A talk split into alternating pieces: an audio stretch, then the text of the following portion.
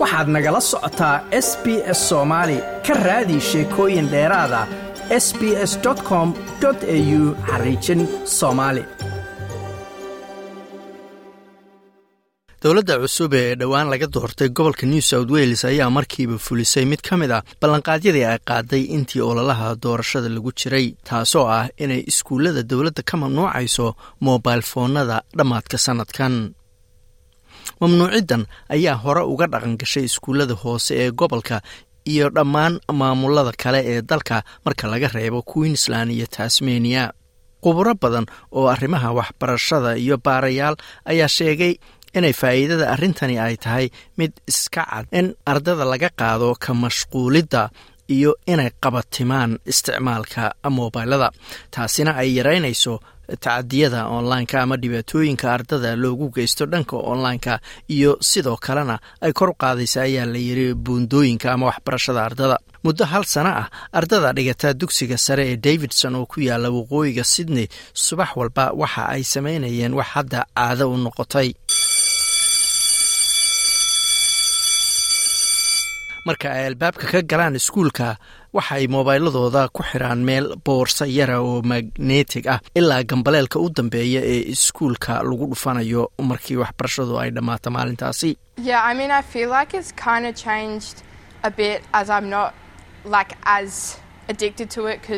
Waxaan dareemayaa in waxoogaa isbedeleen maadaama aanan sidii hore u qabatimin isticmaalka moobailka sababtoo ah lix saacadood ayaan ka maqnaa. Marka aan guriga u socdo saaxiibaday oo dhan moobaylada ma aysan haysan marka wax badani ima dhaafin. Arday ka badan saddex boqol iyo labaatan kun oo ay ku jiraan kuwa dhigta iskuullada sare ee dowladda ayaa mobil foonada laga xanibayaa. Inta ay iskuulka joogaan laga bilaabo teeramka afraad ee sannadkan. Maamulaha dugsiga sare ee davidson david ruul ayaan isagu suginba amarka dowladda.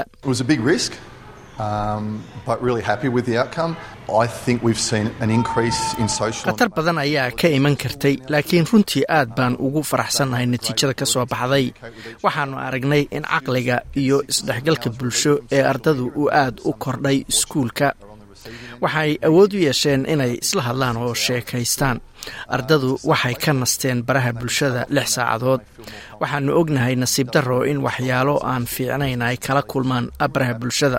Marka lix saacadood ee ay iskuulka joogaan waa meel ammaan u ah. Maskaxdooda ayayna ka saarayaan ayuu yidhi.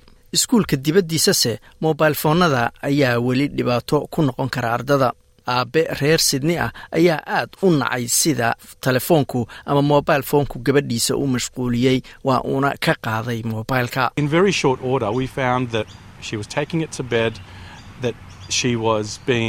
wakhti yar ayaanu ku ogaanay inay foonka ama telefoonka sariirta u qaadato oo nolosheediiba uu la wareegay oo aysan qoyska la hadlin amaba la sheekaysan iskuulka marka ay ka timaado sidii awal hore u dhici jirtay sidii horena aysan wax u akhrin oo ay ku maqan tahay uun telefoonka ayuu yidhi aabbahaasi dani alaaji ayaa sheegay in si uu saamaynta u yareeyo uu la xiriiray waalidiin kale waana sababta uu u aasaasay urur la yidhaahdo heads up alliance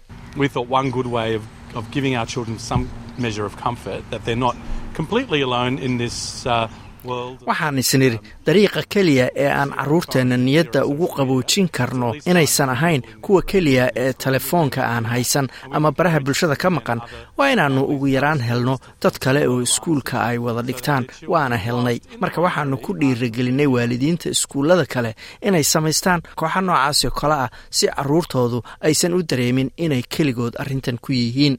Waxaase jira dad arrintan shaki ka muujinaya oo leh ardada waa in la baraa inay iyagu maareeyaan isticmaalka telefoonadooda susan maclean oo ah qabiirad dhanka ammaanka internetka ayaase ka hortimid aragtidaasi.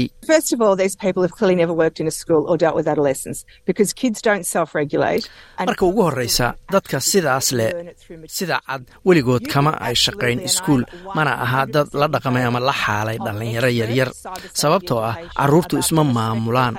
mana aha xirfad laysbari karo. waxaa lagu bartaa oo keliya waa marka qofku uu qaangaaro. boqolkiiba boqol waan taageersanahay in waxbarashada ammaanka internetka ee ku salaysan ixtiraamka iyo mas'uuliyadda qalabka casriga la bara ardada.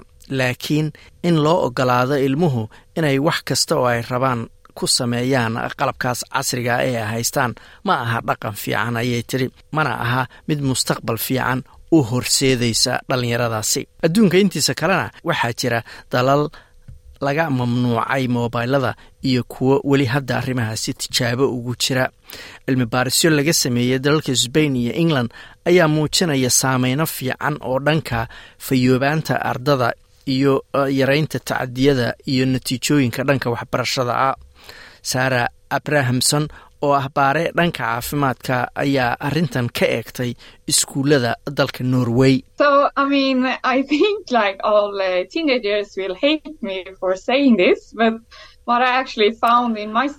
Waxaan is leeyahay dhallinyaradu waa igu nacayaan marka aan hadalkan idhaahdo laakiin waxaan runtii cilmi baarisyada ku ogaaday in mamnuucidda ay ka dhalatay in natiijada waxbarashadu ka sii fiicnaato. Saamaynta ugu weyn waxay ahayd natiijada imtixaanada ee gabdhuhu ay galeen. Waxaan aragnay in maadada xisaabta ay aad ugu fiicnaadeen markay yareeyeen isticmaalka moobaylka. Waxaan sidoo kale aragnay inay yaraadeen tacadiyada ama dhibaatooyinka loogu geysan jiray online-ka marka maxay ragga iyo haweenku ugu kala duwan yihiin ayaa laysweydiinayaa waxaan is leeyahay waxay ka dhalatay da-da ay u dhexeeyaan oo ah saddex iyo toban ilaa lix iyo toban sano. Gabdhuhu aad bay ugaga badan yihiin isticmaalka moobaylka marka loo barbardhigo wiilasha ayay tiri. Cilmi baarisyo kale oo caalamka lagu sameeyey ayaa muujinaya inaysan waxba ama wax weyn ka bedelin waxbarashada carruurta. Laakiin waa kuwaan sida ay u arkaan qaar ka mida ardada dhigata iskuullada sydney.